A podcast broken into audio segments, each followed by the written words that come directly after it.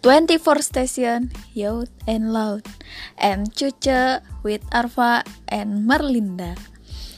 Jadi kita di sini bakal ngebahas tentang learn from home atau belajar di rumah. Kenapa sih kita bisa learn from home sekarang atau belajar di rumah? Karena adanya virus corona. Nah, virus ini adalah virus yang berupa zoonosis atau ditularkan dari hewan ke manusia. Virus corona adalah virus yang sangat saat ini tengah banyak diperbincangkan karena penyebaran yang sangat cepat. Nah, guys, jadi udah ada 152 negara termasuk Indonesia yang terinfeksi virus ini.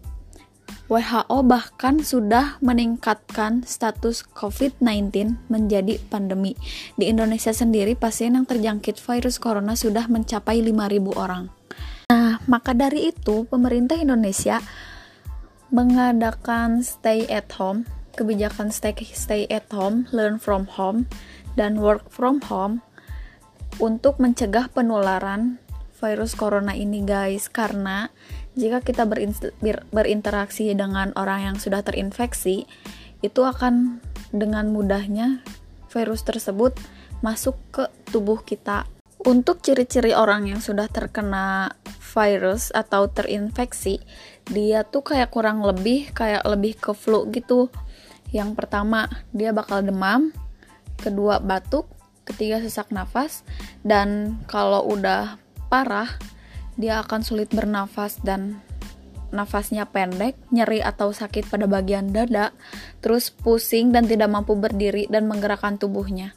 Bibir dan wajahnya juga membiru. Serem banget kan guys, gimana sih cara pencegahannya?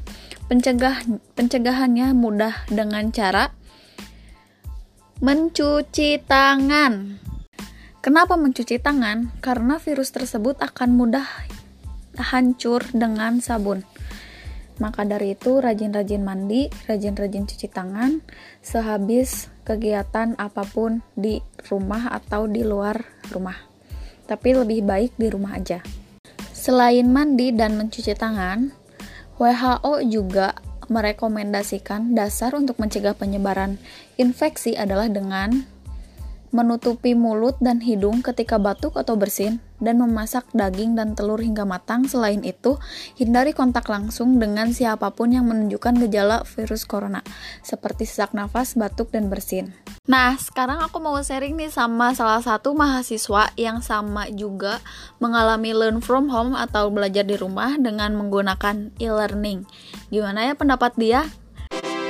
Perkenalkan namanya siapa? Nama gue Merlinda dari Telkom University tapi panggil aja JJ. Fakultas apa, J? Manajemen Nah, menurut kamu e-learning ini efektif untuk mahasiswa atau enggak? Menurut gue sih ya, uh, ada plus minusnya ya, Pak ya. Uh, kalau plusnya itu enaknya kita bisa seg bisa segala sesuatu ngelakuin di rumah. Terus kalau minusnya itu uh, karena kita terus-terusan diam di rumah jadi untuk melakukan e-learning tuh jadi males ya bawaannya kalau gue sih ya tipe orang yang suka di rumah dan jarang banget keluar akhir-akhir ini. Jadi enjoy enjoy aja sih diam di rumah. Cuman ada plusnya juga sih pak. Karena eh, kampus-kampus di di Indonesia ya tapi lebih tepatnya itu ngasih subsidi kuota. Ya nggak sih fakultas lo? Oh iya banget. Kita dikasih kuota 100 ribu per bulan Dan itu berlakunya untuk 3 bulan sampai bulan Juni. Kalau lu gimana? Kalau di Telkom sih ya sebulannya 100 ribu. Sama juga dong. Sama. Jadi itu sih kayak plus minusnya. Ada corona tuh Tapi ya eh, kangen ke teman-teman juga sih ya Lebih tepatnya. Nah, sekarang balik lagi nih, menurut lo pencegahan untuk si virus corona ini yang udah dilakukan sama pemerintah uh, kayak mencegah penularannya dengan stay at home atau learn from home, work from home, work work from home itu udah efektif apa belum? Hmm, kalau itu buat pemerintah sih efektif ya pra ya. Cuman kalau misalnya buat yang pegawai-pegawai harus turun ke jalan tuh menurut gue nggak efektif sama sekali sih. Kasihan mereka. Nah sekarang gue mau nanya nih J gimana pendapat lo tentang orang-orang yang pulang kampung dan rumahnya tuh kayak di pedalaman gitu terus harus e-learning juga padahal fasilitas yang dia punya tidak memadai kayak sinyal sama wifi emang belum ada menurut lu itu harus kayak gimana? Orang-orang yang seperti mereka. Uh kalau menurut gue sih ya itu harus perlu perjuangan banget ya. Mereka harus ngikutin pelajaran di kampus dan harus ikut juga e-learning. Jadi menurut gue ya harus ada perjuangannya juga sih biar nggak ngulang tahun depan. Nah sekarang gue mau nanya kan di Telkom tuh banyak banget ya orang luarnya orang luar kota orang seberang nah salah satu teman-teman lo ada nggak yang emang orang pedalaman banget dan emang dia tuh kayak susah gitu nyari sinyalnya atau wifi? Sejauh ini sih teman-teman gue lancar ya e-learningnya. Mereka belum nggak ada yang kesusahan sama sekali jadi fine. Jujur gue bener-bener kepikiran ya J tentang orang-orang yang di pedalaman gitu yang nyari sinyal pun susah gitu. Kayak mereka mau mengakses e-learning pun pasti susah.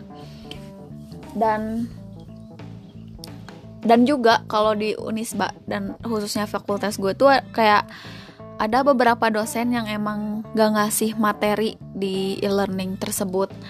Dan kita tuh bingung tiba-tiba dikasih tugas saja dan gak gak dikasih materi sama sekali. E, kalau di Telkom ada kendala dosen seperti itu juga nggak? Uh, kalau gue sih kasusnya beda ya sama lu. Karena kalau gue kan udah ke semester akhir udah skripsian nih. Dan kalau skripsian itu di Telkom e-learningnya lancar. Mereka tiap minggu itu ngepush kita buat ngerjain udah sampai mana. Kalau misalnya kalau belajar gitu sih gue kurang tahu ya. Oh berarti lo kalau sidang dan wisuda dan lain-lain itu online dong Iya online makanya sekarang tuh udah gak bisa ya pakai dipakai toga yang kayak gitu-gitu udah di e-learning aja gitu di video call Wah, selamat. Anda hampir lulus. Oke, ke pertanyaan terakhir. Sekarang udah cukup paham dan jelas mengenai e-learning di Telkom ya. Uh, untuk pertanyaan terakhir, cara lo mencegah diri dari virus corona, jangan lo deh. Lo dan keluarga, uh, gimana caranya? Kalau di rumah nih ya, gue bener-bener lockdown selockdown lockdownnya nggak boleh keluar sama sekali dan kalau misalnya emang uh, urgent banget pengen keluar itu tuh kalau balik ke rumah tuh harus cuci tangan segala dicuci deh nggak nggak boleh dipakai pakai pakai lagi baju bajunya semengerikan itu di rumah gue kalau kalau gue tuh kayak lebih santai J soalnya. Emang gue masih kerja kan. Sekarang uh, masih kerja masih masuk shift uh, seminggu dua kali. Tapi keluarga gue kayak santai-santai aja mungkin kita beda kali ya. Iya beda-beda bisa bisa uh, kalau orang tua gue kayak lebih ke gimana ya yang penting pulang dari kerjaan mandi udah gak masalahin gue mau keluar mau ke mau kayak gimana juga kerja dan apa ya dan belajar tuh ada onlinenya work from home, learn from home. Ini nih yang punya pacar gimana ceritanya, Je? Lu gimana caranya pacaran? Pacaran online? Wah, kalau gue mah emang udah anugerah dari sananya kali ya. Uh, dekat banget nih si doi satu desa. Tetangga gue gitu, Pra. Oh, jadi emang sering ketemu juga lagi kayak gini. Uh, sering ketemu sih enggak, cuman kayaknya kalau kepepet banget pengen ketemu nggak terlalu susah gitu. Oh, terus doi kuliah online-nya kayak gimana? Sama kayaknya teknisnya kayak kita-kita juga harus di aplikasi si aplikasi itu yang lagi hit sekarang. Oh, mantap. Gue jomblo. Gak ada yang nanya ya. J, ini gue nanya terakhir ya. Terakhir banget deh. Menurut lo, uh, kapan sih pandemi virus ini bakal berakhir dan kita bisa kuliah kayak biasa lagi, kita bisa ketemu teman-teman lagi dan interaksi sama orang lain? Kapan?